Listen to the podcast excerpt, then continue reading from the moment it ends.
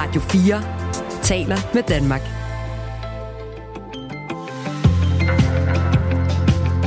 Velkommen til Radio 4 morgen. Og Danmark siger angiveligt, at øh, i hvert fald 6 ud af 10 mennesker i Danmark siger, at alkoholgrænsen skal hæves, så det er forbudt at købe alkohol, hvis man er under 18 år. Vi tager den øh, undersøgelse, som Blå Kors har fået foretaget, videre til øh, forebyggelsesordføreren hos Socialdemokraterne Mathilde Powers om cirka 10-15 minutter. Og tager også gerne imod input til det her interview, som jo altså handler om, hvorvidt man politisk har lyst til at tage action på det her flertal, som tegner sig af befolkningen. Du kan skrive til os på nummer 1424, hvis du har inputs. Og klokken den er 6 minutter over syv, og her i studiet er Kasper Harbo og Michael Robrecht. Radio 4 taler med Danmark. Hvordan kan vi fra dansk side være med til at genopbygge Ukraine? Det bliver drøftet i dag og i morgen ved den internationale konference Rebuild Ukraine i Polens hovedstad Warszawa. Her deltager blandt andet udenrigsminister Lars Løkke Rasmussen på regeringsvejene, og så er Dansk Industri også til stede sammen med 30 danske virksomheder på en messe, hvor alle erhvervslivet kan byde sig til med løsninger og hjælp til Ukraines genopbygning. Godmorgen, Thomas Bustrup, viceadministrerende direktør i Dansk Industri. Godmorgen. Hvad skal der øh, komme ud øh, af de her to dage i Warszawa? Nej, der skal bygges nogle øh, relationer op, og der skal vedligeholdes nogle eksisterende relationer imellem danske virksomheder, og så nogle af de ukrainske myndigheder, som, som vil være til stede på, på messen og på, på konferencen. Jeg kan forstå, at efterspørgselen blandt danske virksomheder for at komme med til den her internationale konference har været så stor, at de faktisk har måttet give afslag til nogle af dem, dem der gerne vil, vil med. Hvad, hvorfor er der så mange, der gerne vil være med til den her konference? Jamen dels så har, øh, har dansk erhvervsliv faktisk været rigtig, rigtig godt repræsenteret i Ukraine øh, igennem øh, årtier i virkeligheden. Mm. Og, øh, og så synes jeg også, det er et signal fra dansk erhvervsliv om, at, øh, at man, har, man har ikke tænkt sig at forlade Ukraine. Man vil gerne være en del af, af den genopbygning, som øh, der forhåbentlig øh, snart skal i gang. Øh, og dermed også vise et, et commitment til, at, øh, at på trods af, af den ulykkelige krig, der har været, at, øh, at forlader øh, danske virksomheder ikke deres aktiviteter og deres arrangement i, øh, i Ukraine. Nu hedder det Rebuild Ukraine. Altså, så det er ikke kun sådan byggevirksomheder, der helt konkret skal ned og hjælpe med at bygge øh, bygninger op. Det er også virksomheder, som øh, laver andre ting.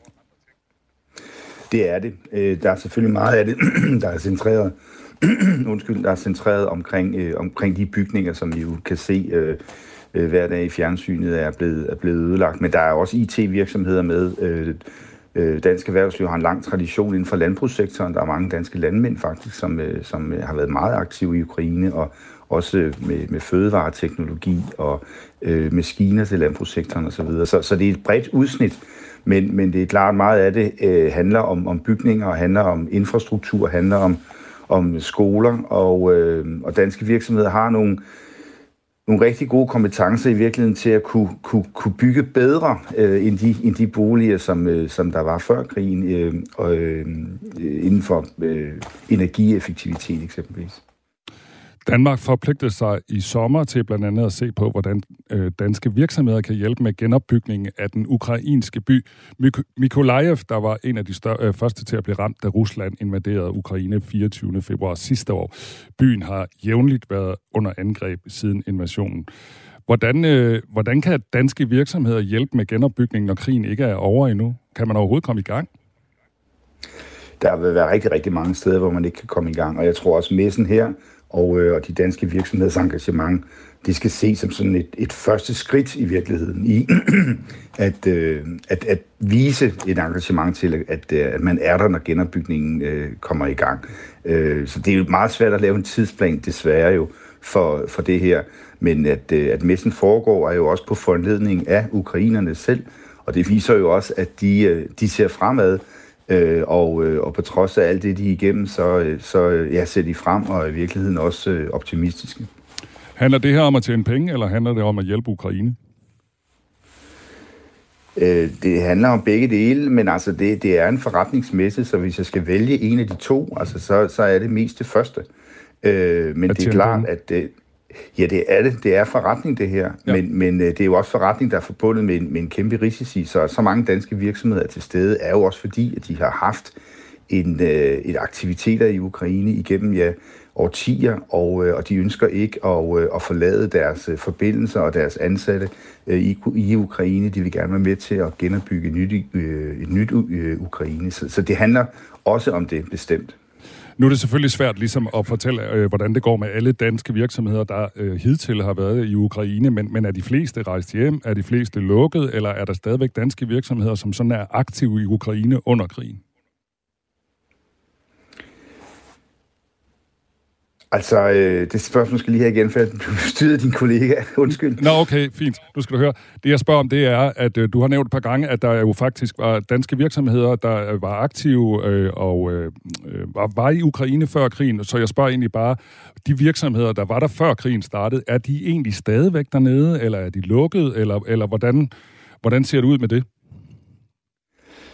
Ja, der, det, det er forskelligt, men, men der er virksomheder, som har fortsat deres aktiviteter. Det kommer også lidt an på, jo, hvor i landet øh, de ligger. Øh, krigen er jo, er, jo, er jo meget mere rasende i øst, end den er i vest. Men der er, der er en del danske virksomheder, som, som øh, har forsøgt at fortsætte deres aktiviteter. Det er helt sikkert med, med et mindre plus, mm. men, øh, men stadigvæk med, med, med ansatte og, og investeringer. Og så er der selvfølgelig også nogle danske virksomheder, som har været nødt til simpelthen at lukke og, og forlade Ukraine. I slutningen af januar, der besøgte de tre partiledere i regeringen, øh, Mette Frederiksen, Jakob Ellemann Jensen og udenrigsminister Lars Løkke Rasmussen, Mykolaiv sammen med den ukrainske præsident øh, Zelensky. Og her blev lidt af sløret løftet for en ny fond, der skal være en del af det kommende arbejde med at genopbygge Mykolaiv fortalte Lars Løkke Rasmussen øh, til TV2 i den forbindelse med det her besøg. Og han sagde, lige nu sidder vi og arbejder på at lave en Ukraine-fond. Det kommer vi til at vende tilbage til om ikke ret lang tid, lød det. Er det, er det den her fond, som I også skal, skal have, øh, som, som, som skal være med til at finansiere de projekter, som, som I måtte finde på, øh, som kan være med til at genopbygge Ukraine? Det vil der også være. Øh, men der vil selvfølgelig også være andre lande, som, øh, og EU for den sags skyld, som vil, som vil sætte finansiering ind til at kunne øh, genopbygge øh, Ukraine. Men det er rigtig positivt, at, øh, at Danmark også har planer om at, øh, at lave sådan en fond. Øh, og jeg tror, mange af de penge, der vil komme eksternt fra til genopbygning af Ukraine, vil lægge vægt på, at, at det, man er med til at genopbygge, at det bliver gjort på en bedre måde end, end de bygninger, der var før krigen. Mm. At det bliver gjort på en mere bæredygtig måde. Og, øh, og det er også her, øh, hvor jeg tror, at danske virksomheder kan, kan komme til, fordi at der har vi bare rigtig mange kompetencer inden for, for bæredygtig øh, byggeri og infrastruktur. Sådan sagde Thomas Bustrup, viceadministrerende direktør i DI. Tak fordi du var med her. Selv tak. Og vi bliver ved det her med byggeriet, for en af de virksomheder, der også er at finde på den internationale konference i Warszawa lige nu, det er virksomheden World Flex Home fra Herning. Øh, virksomheden specialiserer sig i at bygge i moduler, der gør det muligt at opføre midlertidige boliger hurtigt i et materiale, der senere kan bruges til andre byggeprojekter. Godmorgen, Anders Bak Sørensen, administrerende direktør i World Flex Home. Ja, godmorgen. Hvorfor har I uh, meldt jer på banen uh, til at deltage i den her konference Rebuild Ukraine? Jamen, vi har meldt os på banen, fordi vi øh, synes, at øh, det koncept, modulbyggekoncept, vi har, det passer egentlig rigtig godt til genopbygningen øh, i for eksempel Ukraine. Øh, der er hurtig byggetid. Vi har mulighed for at øh, præfabrikere de her moduler per fabrik, hvor vi monterer badeværelser og køkken, teknikrum osv. Og det vil sige, at selve bebyggelsen de kan opsættes øh, meget hurtigere end traditionel byggeri, og dermed skabe boliger hurtigt. Så det kan være med til at, øh, at, at være med til at, at hurtigt øh, få folk øh, få, eller give folk tag over hovedet, øh, når krigen på et eller andet tidspunkt øh, lakker mod enden, eller er det også her, mens krigen er i fuld sving, at I kan, I kan gøre noget?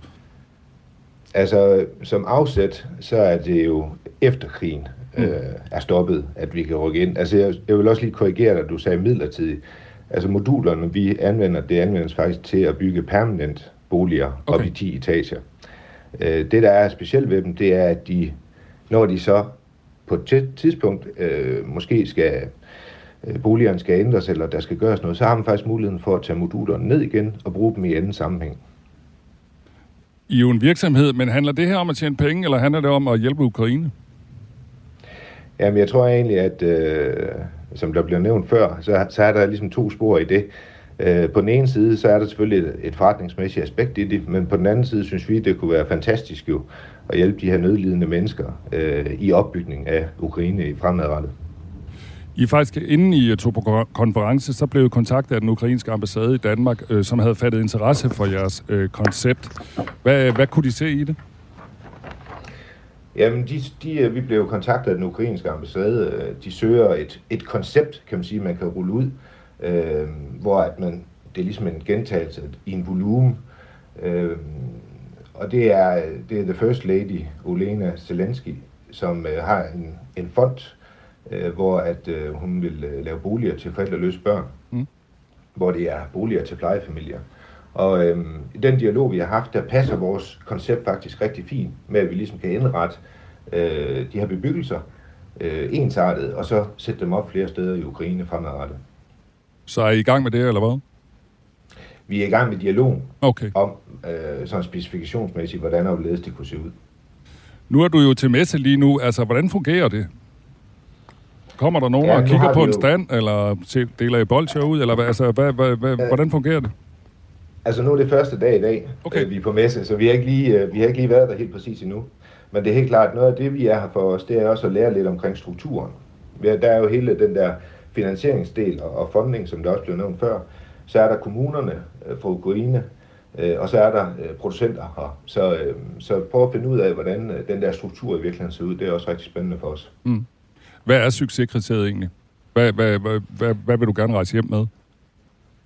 Jamen, jeg tror, at succeskriteriet det er egentlig, at, øh, at de ukrainske kommuner bliver opmærksom på, øh, at vi kan bygge i det her system, som vi har, og at vi så på det længere sigt får muligheden for at øh, bygge noget, nogle gode, øh, bæredygtige boliger i Ukraine. Sådan sagde altså Anders Bak Sørensen, som er administrerende direktør i virksomheden World Flex Home. Held og lykke med messen. Tak for det. Et historisk politisk eksperiment har set dagens lys med den nye SVM-regering. Det er jo nu toget kører i forhold til at træffe svære beslutninger i den eller inderste kreds af regeringen. Hver uge samler Radio 4 et panel af tidligere toppolitikere og rådgivere, der ved, hvad det kræver at regere Danmark. Det tror jeg, de fleste af os har prøvet, at vi skulle op og forsvare et eller andet, som bare stank. Lyt til eksperimentet på midten i Radio 4's app, eller der, hvor du lytter til podcast. Radio 4 taler med Danmark undersøgelse fra Blå Kors om alkohol har vel nogenlunde samme værdi som en undersøgelse fra tobaksindustrien om rygeforbud og tobakspriser. Nej, der er ingen grund til at hæve grænsen til 18.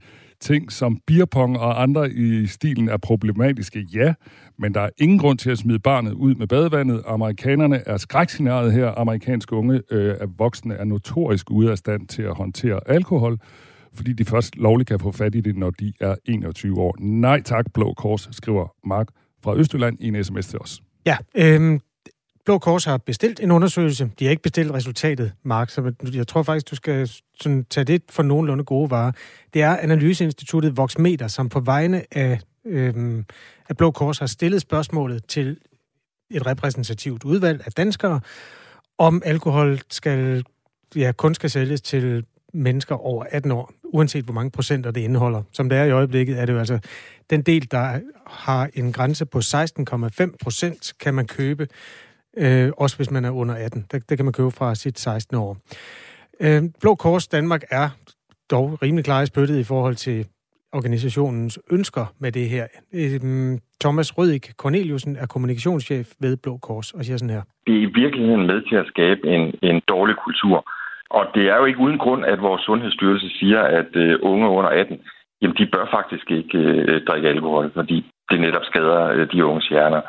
Og måske også, øh, også forældre lige kigge lidt op fra telefonen og vores eget rødvinsglas, og så sige, men skal vi ikke øh, lave noget aktivt sammen? Skal vi ikke finde nogle alternativer til, til alkoholen? Mathilde Powers er forebyggelsesordfører hos Socialdemokraterne og næstformand i Sundhedsudvalget. Godmorgen. Godmorgen. 60 procent af danskerne synes, at aldersgrænsen for al type alkohol skal hæves til 18 år. Hvad synes I? Jamen, øh, altså jeg synes personligt, at det er dejligt at høre, at der øh, nu er sådan en, øh, en, en overvægt af opbakning i befolkningen til, at vi faktisk skal gøre noget ved det her problem med unges øh, drukkultur i Danmark. Øh, så jeg ser det som rigtig positivt. Nu spørger du, hvad synes I? Øh, I mm. sidste regeringsperiode, der havde Socialdemokratiet jo netop det her forslag på bordet om, at vi skulle hæve øh, aldersgrænsen for køb af alkohol til 18 år. Det var der ikke på det tidspunkt opbakning til i Folketinget, og derfor så øh, kom det ikke videre. Og nu er vi jo i en ny situation med tre regeringspartier, som øh, skal finde en fælles linje, og vi har ikke endnu haft lejlighed til at øh, drøfte lige netop det her spørgsmål, så øh, jeg kan ikke svare på endnu, hvad regeringspartierne øh, samlet set synes. Men øh, jeg kan i hvert fald svare på, at der også i regeringsgrundlaget øh, og i i snakken i blandt os øh, bliver talt meget om, at vi skal have gjort noget ved det her problem med, at øh, unge drikker så tidligt og så meget her i Danmark. Vi har jo øh, stadig den kedelige Europarekord med, at vi er de førende mm. i Europa, øh, når det kommer til unges alkoholkultur. Det skal vi helt klart have gjort noget ved. Men det er alligevel øh, drastisk at forbyde det. Der er flere lyttere, der har skrevet til os. For eksempel Emil, han kender nogle folk på Island, hvor man jo har taget et opgør med det her. Sådan et, et, øh, et menneske ja. på 19 år kan ikke engang købe en øl.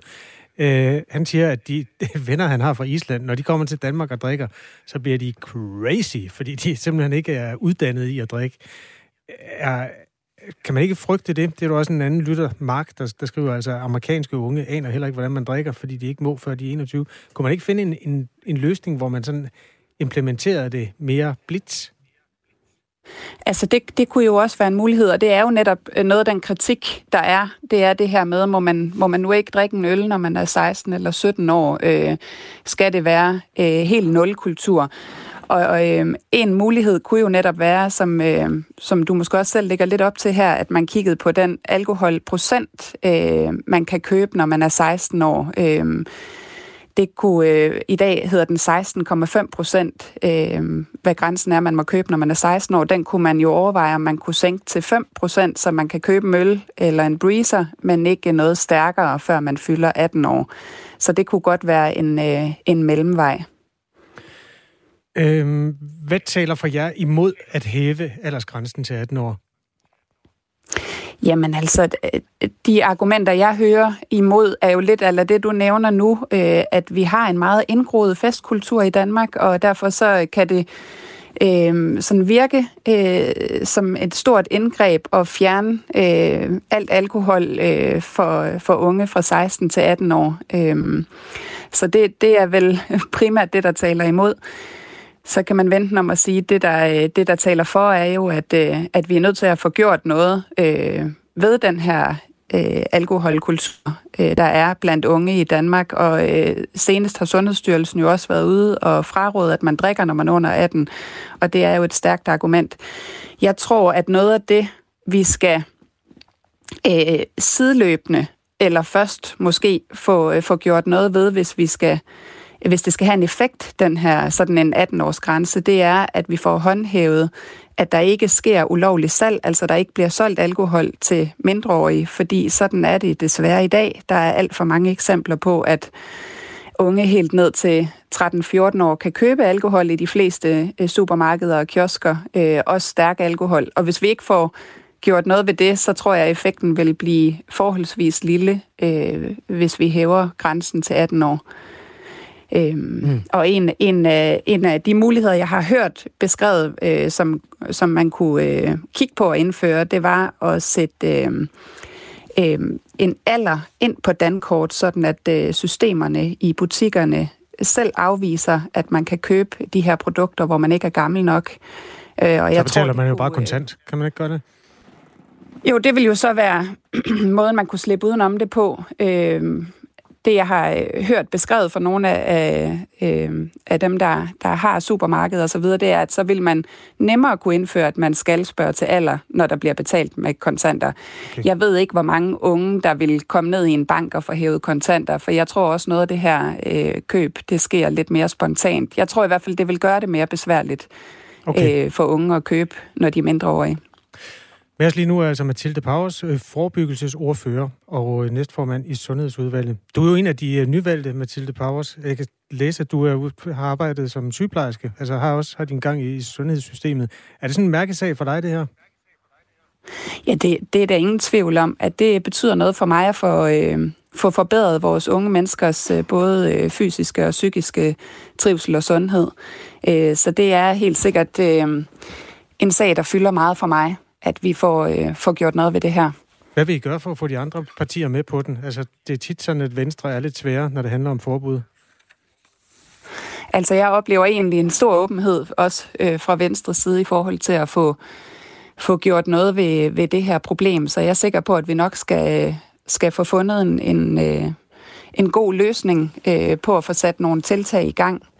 Og noget af det, som jeg tænker, altså øh, nu har jeg nævnt nogle eksempler på, hvad man kunne gøre også, men noget af det, jeg også tænker bliver helt nødvendigt, øh, som vi ikke bare kan løse inden for Christiansborg, det er jo det her med at få lokalsamfundet lidt mere i spil. Og grunden til, at jeg nævner det, er fordi, at øh, man ved, at det, der har den allerstørste effekt på, om øh, øh, unge mennesker drikker meget, det er deres øh, forældres holdning til det.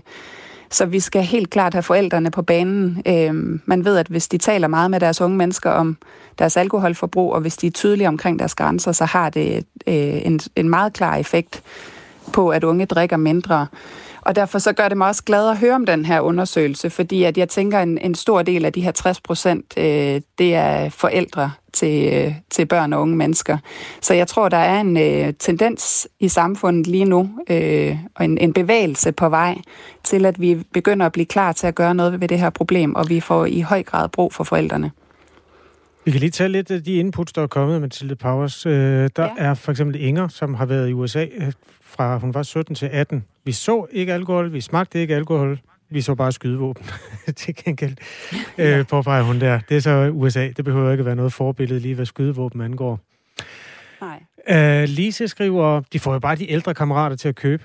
En stor bøde og mere kontrol ude i butikkerne er forslaget fra Lise.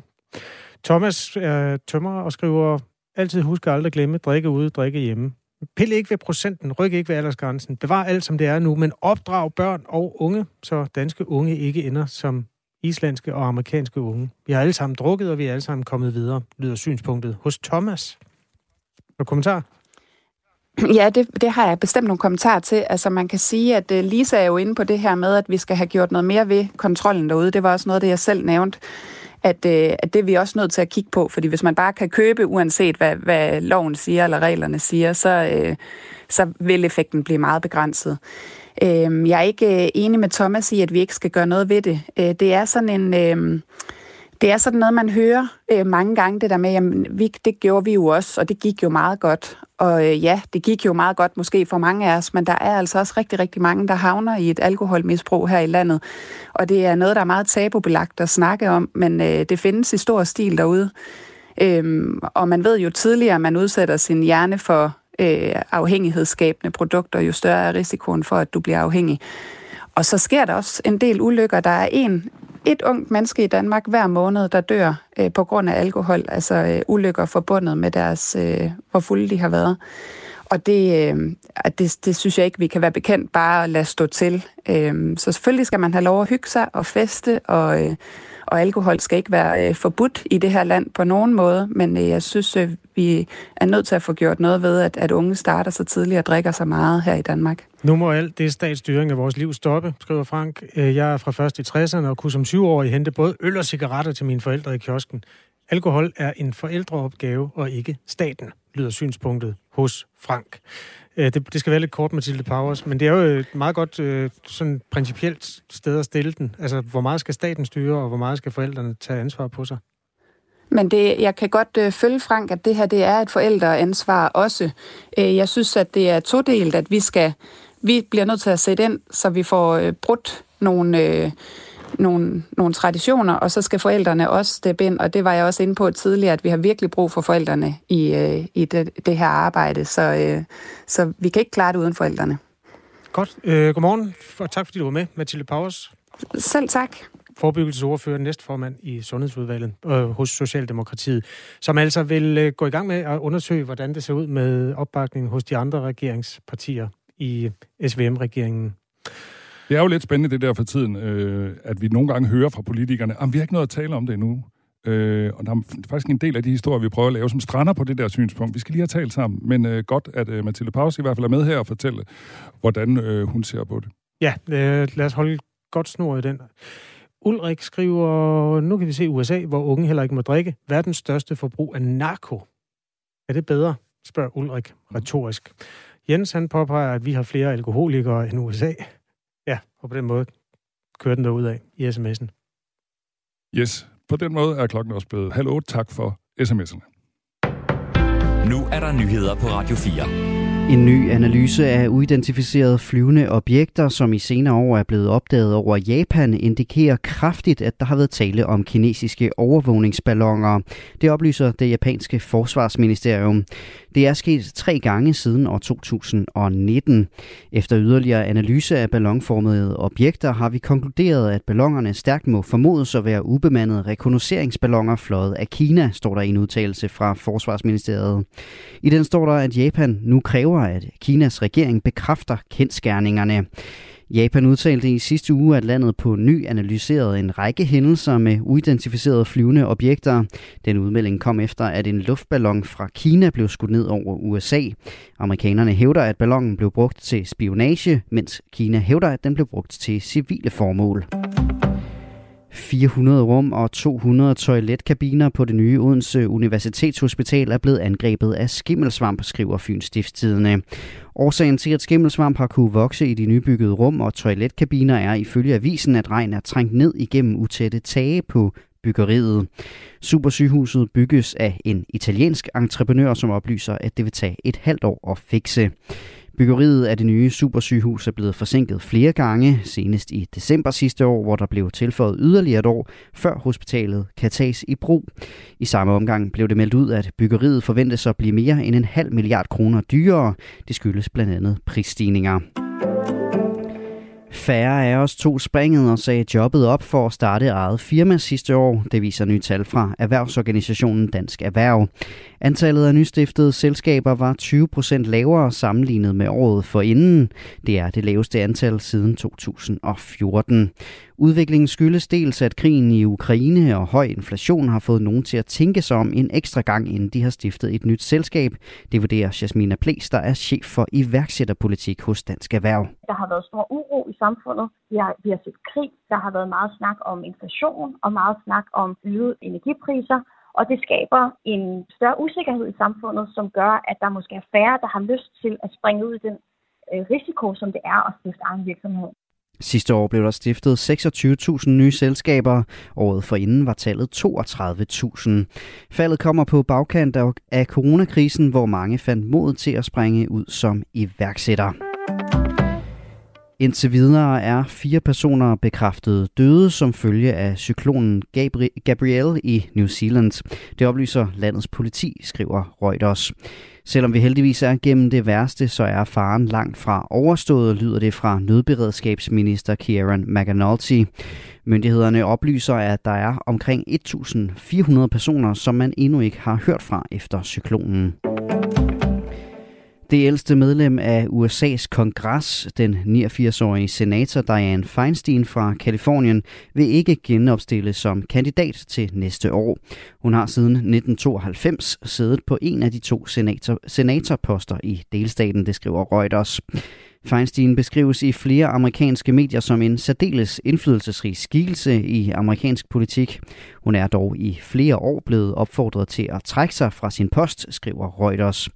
Sidste år bragte flere medier også historier om, at den 89-årige senators hukommelse hastigt var ved at blive svækket. Gråt vejr er på programmet igen i dag. Skydevejr i hele landet i de sydlige egne. Først på dagen også stedvis med tåge. Temperaturer mellem frysepunktet og 5 graders varme, der stiger i løbet af dagen. Svag til jævn vind. Og således et nyhedsoverblik her på Radio 4 med Asbjørn Møller. Du lytter til Radio 4 morgen. Husk, du kan skrive en sms til os på 1424. Vi roser vores unge for at være europamestre i druk, og de er også gode til det, men det hører med til historien, når vi nu taler om det danske indtag af alkohol, at vi faktisk globalt ikke engang er kommet i top 10. Der er simpelthen 10 lande, der er bedre end os til at drikke sprut. Nå, Det går da altid at sige, at vi, øh, de unge mennesker er verdensmestre. Ja, men det er også øh, målt på, øh, altså hvis du fordeler, altså kigger på, hvor meget de unge indtager, så er de verdensmestre. Men Okay. hvis du tager hele befolkningen, så er der mange, der er bedre til at drikke, end vi er. Okay. Øh, det kunne da være sjovt at se, om du kan gætte, hvem der drikker mest i hele verden. Øh, russerne. Det er et meget godt bud, men øh, det er et forkert bud. Rusland er heller ikke i top 10, faktisk. Utroligt nok. Nej, jeg tror, de er en masse vodka. Jeg tror, der er nogen af dem, der får en masse vodka, men øh, det er ikke dem alle sammen. Ej, den, den er lidt svær. Seychellerne er faktisk øh, verdensmestrene. Der drikker man 20 liter om året. Altså enten øh, fordelt på året, eller også så sætter en Seychelles sig ned for selv og drikker 20 liter en gang om året. Coconut ro- Rome. Jeg ved det faktisk ikke. Øh, på anden pladsen er Uganda, som øh, har et personforbrug på 15 liter om året. Og det her, det skal, det her har vi faktisk øh, i Danmark kun 10 liter per person. Så der er mange, der er bedre end os, eller dårligere. Tjekkiet er på tredje pladsen. Litauen på fjerde pladsen. Luxembourg drikker også som huller i jorden. Næsten 13 liter per person. Og tyskerne indtager i øvrigt også mere alkohol, end vi gør her i Danmark. De ligger også der omkring. Så de sidste pladser i top 10, det er Irland, Letland, Spanien og Bulgarien. Var det i hele verden? Ja, ja, det var det da. Vi, vi er mere fordrukne. Ja, nu nævnte du også Uganda og Seychellerne godt nok på nogle af de øverste pladser, men vi er da ret fordrukne i Europa, lyder det til. Ja, eller også laver vi mere statistik i Europa. Jeg ved det faktisk ikke. Det kan også være. Okay, det her er altså diskussionen om, hvorvidt man vil forbyde alle under 18 år at købe alkohol i enhver form, som man blandt andet har gjort på Island. Der er lige en sms eller to der. For eksempel skriver en, min datter ville til målfest som 13-årig. Mor sagde nej, men så faktisk kørte datteren. Forældre har et meget stort ansvar, lyder den lille anekdote der. Og en anden skriver, jeg synes, at det er forældreansvar, og hertil hører oplysning, kommunikation og dialog. Det skriver Lena fra Aarhus, altså ind i den her kontekst om, at øh, der påviler altså også forældrene et ansvar om at tale med deres børn, og i stedet for bare at lave forbud. Du lytter til Radio 4 morgen. Du kan skrive til os på telefonnummeret 1424. Nu øh, skal vi vende os mod en øh, historie fra biologien, som er meget, meget interessant og også meget opsigtsvækkende, fordi øh, det, vi opdagede den faktisk her til morgen ved, at den britiske avis The Guardian havde skrevet his, nyhedshistorien. Den er ikke i danske medier, så vidt vi kan se endnu, men øh, det kommer den altså her med. Verdens ældste pindsvin er fundet her i Danmark. Øh, pindsvinet Torvald blev 16 år, og det er fuldstændig ekstraordinært. Øh, Pindsvinet Torvald blev fundet i Silkeborg-området. Her var han indleveret til pindsvineplejere, efter at han var blevet angrebet af en hund og døde af sine kvæstelser, inden øh, han nåede at få antibiotika.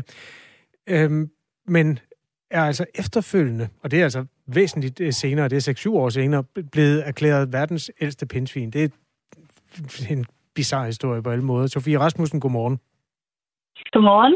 Pindsvinekspert og øh, gæsteforsker på Aalborg Universitet, og også forsker på Wildlife Conservation Research Unit på Oxford Universitet.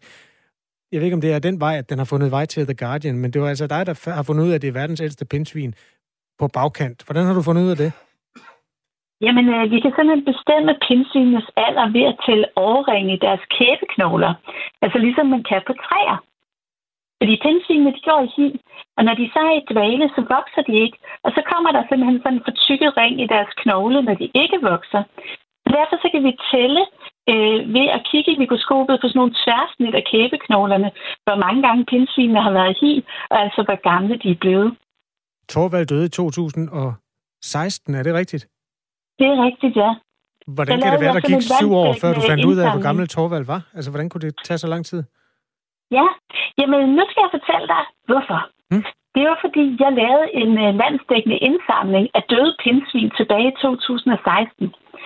Altså, der var helt vildt mange danskere, der gerne ville hjælpe mig med det. 400 danskere samlede døde pindsvin ind. Og lige pludselig så stod vi med 697 døde pindsvin, der lige skulle obduceres, så det tager altså sin tid. Så, øh, så der gik noget tid, før vi endte med at stå med de her kæbeknogler, der er blevet renset, sådan så vi kunne gå ind og arbejde med dem og bestemme alder. Og så tager det jo noget tid at skrive sådan en artikel, altså en forskningsartikel, som vi lige har fået publiceret med resultaterne.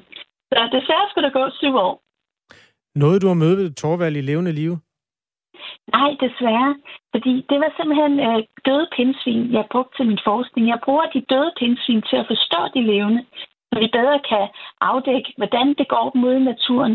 Fordi vi ved jo, at pindsvinebestanden er i tilbagegang. Så hvad kan vi så gøre for at stoppe den her tilbagegang? Det kan de døde give os svaret på. At et pindsvin bliver 16 år, øh, er åbenbart internationalt opsigtsvækkende.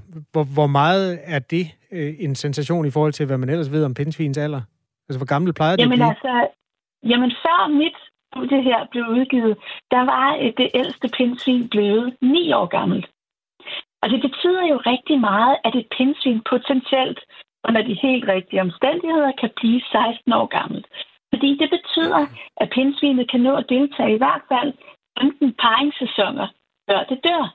Og det vil sige, at øh, pindsvinet efterlader sig en masse afkom, der, der kan hjælpe bestanden videre. Så det er jo sensationelt.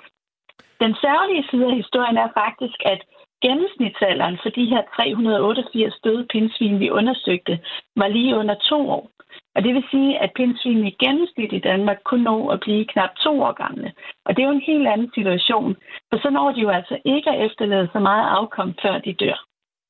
Sofie Rasmussen er pindsvineekspert og med i anledning af, at pindsvinet Torvald nu er erklæret øh, verdens ældste pindsvin. Det, det viste sig, at Torvalds kæbeknogle var 16 år gammel, ligesom Torvald i øvrigt var, da han døde efter en ulykke med en hund, som skete i 2016. Øhm, den her, de her dyr, det, det virker underligt, at vi på den ene side får at vide, at Danmark er et skrækkeligt sted at være pindsvin, og samtidig så er det her, at de bliver ældre, end de gør nogen som helst andre steder. Hvad, hvordan hænger det paradoks sammen? Ja, men altså det er sådan, at pindsvinbestanden er i tilbagegang over hele Europa.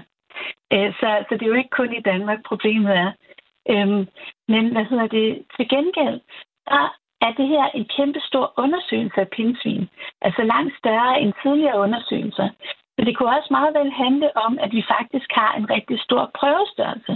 Fordi det er klart, at jo flere pindsvin man undersøger, jo større chance er der altså også for at finde nogle af dem, der bliver rigtig gamle. Jeg tror, det er tilfældet her.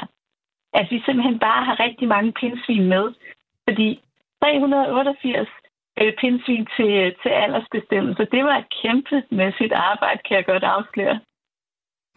Når, når mennesker bliver meget, meget gamle, så bliver mennesker jo også meget svækket og ser måske dårligt og hører dårligt, og livet er blevet lidt trist. Hvordan er det for pindsvin? Altså, er det også et meget, meget svækket pindsvin, da I begyndte at kigge på Torvald? Jamen det interessante er, at man, man kan altså ikke rigtig sige, hvor gammelt et pindsvin er, ved bare at kigge på det.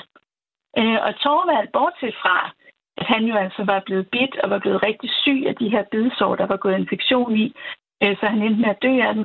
Når man kiggede på ham, så så han altså ikke gammel ud. Det var ikke sådan, at han var gråhåret, for eksempel.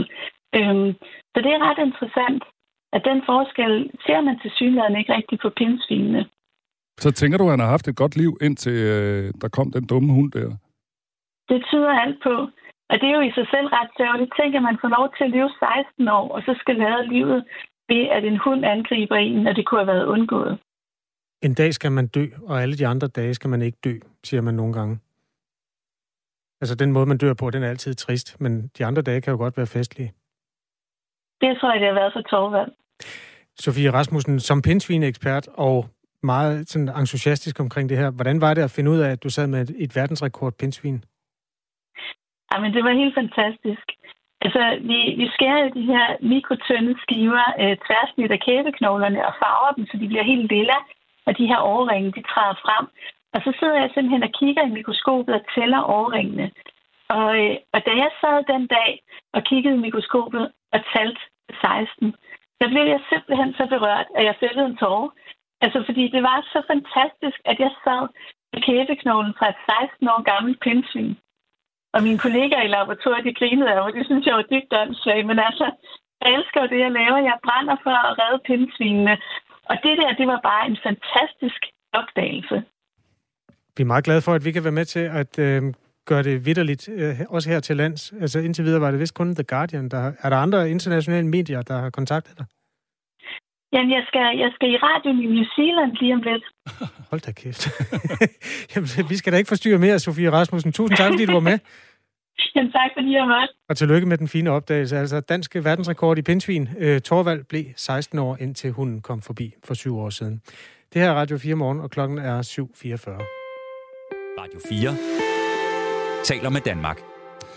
Man skal ikke kunne tvinge folk til at tage tøjet af i en sauna, sådan lyder det fra Johan Brødsgaard, som er formand for Kultur, Fritids, Outdoor og Idrætsudvalget i Silkeborg. Fordi i Silkeborg har der nemlig været kritik af tøjpolitikken i den sauna, som ligger ved Almen Sø syd for byen. Kritikken kommer, fordi øh, dem, der har brugt den her sauna, er blevet bedt om at tage badetøjet af i den her sauna, når de har været ude og svømme. Og nu kan vi sige øh, godmorgen til dig, Johan Brødsgaard. Er du med os? Jeg er med jer. Det lyder godt. Hvorfor er det nødvendigt for dig som øh, kommunalpolitiker at gå ind i sagen om øh, nøgne saunagæster? Jamen, sagen er jo den, at det er jo et øh, kommunalt anlæg, som vi etablerede for et par år siden, og som der er rigtig mange, der bruger, og det er vildt positivt. Og så har vi set, at der er blevet øh, rigtig mange, der ønsker vinterbade. Jeg tror måske, vi er gået fra cirka 100 til, at den her saunaforening nu faktisk har 2500 medlemmer. Og så er der jo opstået en debat om, hvordan man skal være saunagæst. Og den er gået på, om det er i orden, at folk, der øhm, ønsker at sidde bade i shorts eller bikini eller hvad det måtte være, øhm, bliver sendt ud af den her sauna. Og, og det synes vi ikke politisk, det er. Det skal jo siges, at det er en forening, vi har et samarbejde med, der står for den daglige drift der og står for den her form for justits.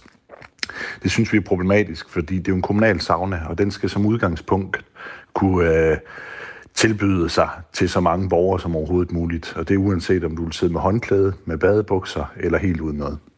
Hvad gør I så nu?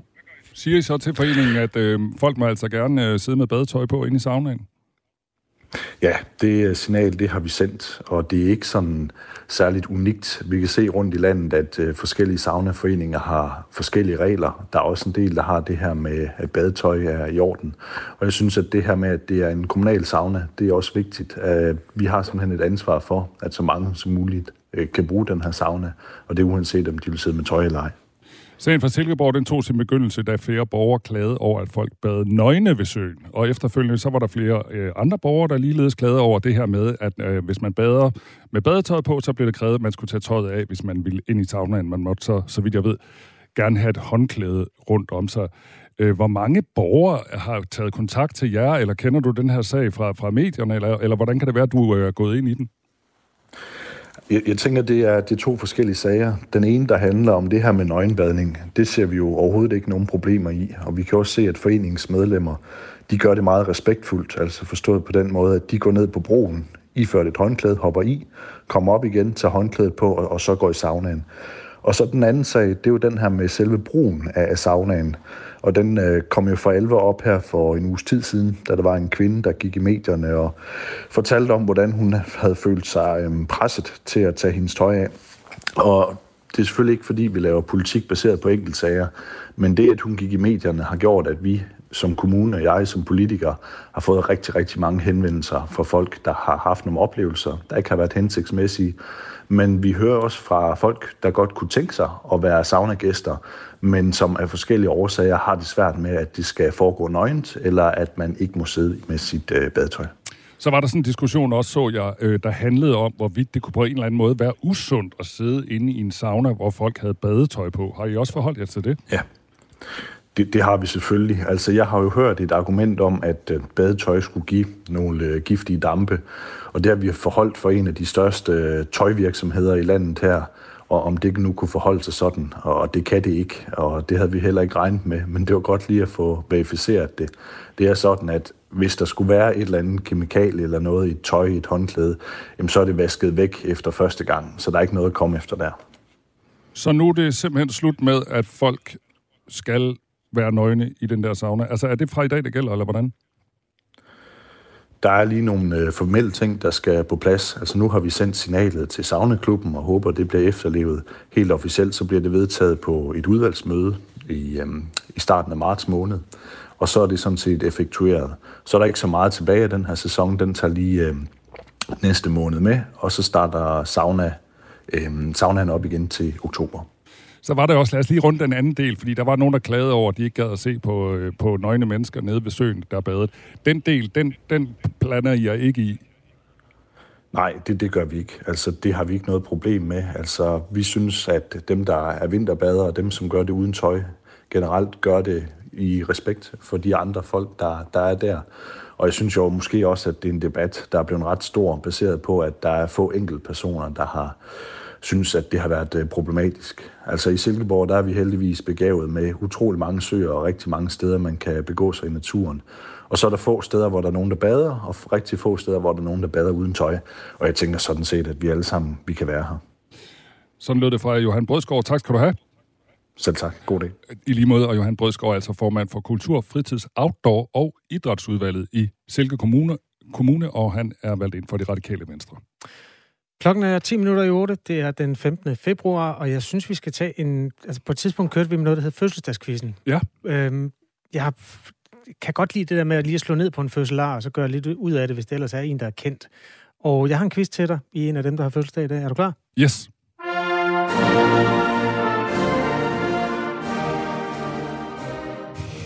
64 års fødselsdag for 64 et øh, berømt udbryderparti. Ja. Altså et parti, der knækkede ud af et andet eksisterende parti. Ja. Du får et lille hint i musikken her. Kan du regne ud, hvad det er for et parti? Er det SF? Det er nemlig rigtigt. Her kommer quizens første spørgsmål. Hvad hed stifteren?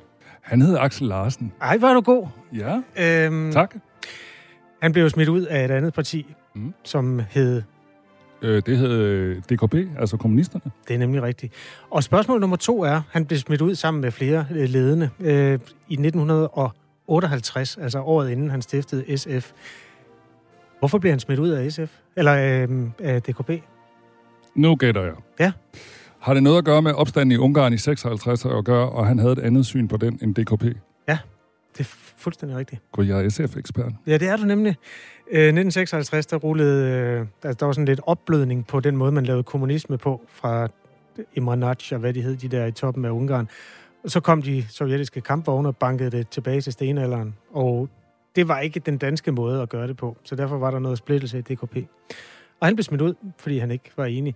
Så kommer spørgsmål nummer tre. Mm. Det spændende var jo så i 1960, hvordan det gik ved folketingsvalget der.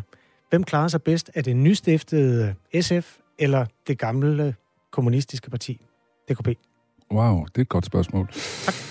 Øh, nu gætter jeg igen. Øh, jeg tror, SF klarede sig bedst. Nyt og spændende. Det er rigtigt. Hvordan SF det? øh, fik øh, 150.000 stemmer. 11 mandater. Det var, DKP, øh, de røg ud af Folketinget. Nå, okay. Så øh, Ja, det var da et signal. Sidste spørgsmål i den her lille udbryderparti-quiz. Den, øh, der breder jeg den lidt ud, fordi SF er som sagt et udbryderparti. Dem er der mange af i Folketinget. Der er faktisk, så vidt jeg kan se, hele fire nu. Fortæl, hvilke andre partier er de nuværende i Folketinget, der er knækket ud af andre eksisterende partier? Og ja, så starter vi lige med enhedslisten, som man vel egentlig godt kan sige, at udbryderparti af SF, fordi enhedslisten står på ryggen af VS. Det var et... Ja, okay, du ser lidt... Quizmasteren ser lidt... Nå, okay. Det, den er ikke helt rigtig, fordi det blev lavet... De sad jo ikke i Folketinget dengang. Der er jo sikkert nogen, der havde en fortid i SF, men det blev dannet udenfor. Altså her, SF var jo ligesom en, Okay. en, en folketingsmand, der forlod Okay, partiet. godt. Jamen, så tager jeg lige Moderaterne. Moderaterne er et rigtig godt bud. Så tager jeg Radikale Venstre, som er et udbryderparti af Venstre. Det er rigtigt. Så tager jeg... Mm, altså, kan jeg sige Dansk Folkeparti, som, er, som er sige. der udbryderparti af Fremskridtspartiet? Det kan du sagtens sige. Øh, så, Der er faktisk to mere, kan jeg se på det hele. Der var fem i alt. Nu skal jeg lige tænke mig om. Mm, Nu sluttede musikken. er, er, li- Jamen, det er måske også meget passende. Er Liberal Alliance et udbryderparti, spørger jeg så spørgsmålstegn. Det er det da. Ja. De kom jo, de kom jo alle vejen fra. Ja, okay. Ja. De kom jo blandt andet fra de konservative og fra de radikale venstre. Ja. Det har du ret i. Jamen, så mangler jeg et. Ja. Øh, øh, Jeg starter lige musikken, for at det ikke skal blive for kedeligt. mm, så siger jeg lige nye borgerlige, men jeg er faktisk lidt i tvivl om... Nej. Nej. Alternativet. Nå ja, selvfølgelig. Det var, hvad jeg havde til dig i fødselsdagskvisten, og tillykke til den, der har fødselsdag, som i det her tilfælde er SF, som altså bliver 64. Og hvor mange rigtige havde jeg? Du havde dem alle sammen rigtige. Du var meget... jeg, var, ikke- jeg var ikke så god til det der ud, udbryder noget. Nej, men det var også lidt øh, en afledt vinkel, kan man sige. Men du var god i SF. Det, det, det er rart at vide, hvis vi en dag har en kritisk historie om dem, at du kan historien. Det er godt. Tak skal du have, Kasper. 6 minutter i 8 er klokken. Radio 4 taler med Danmark.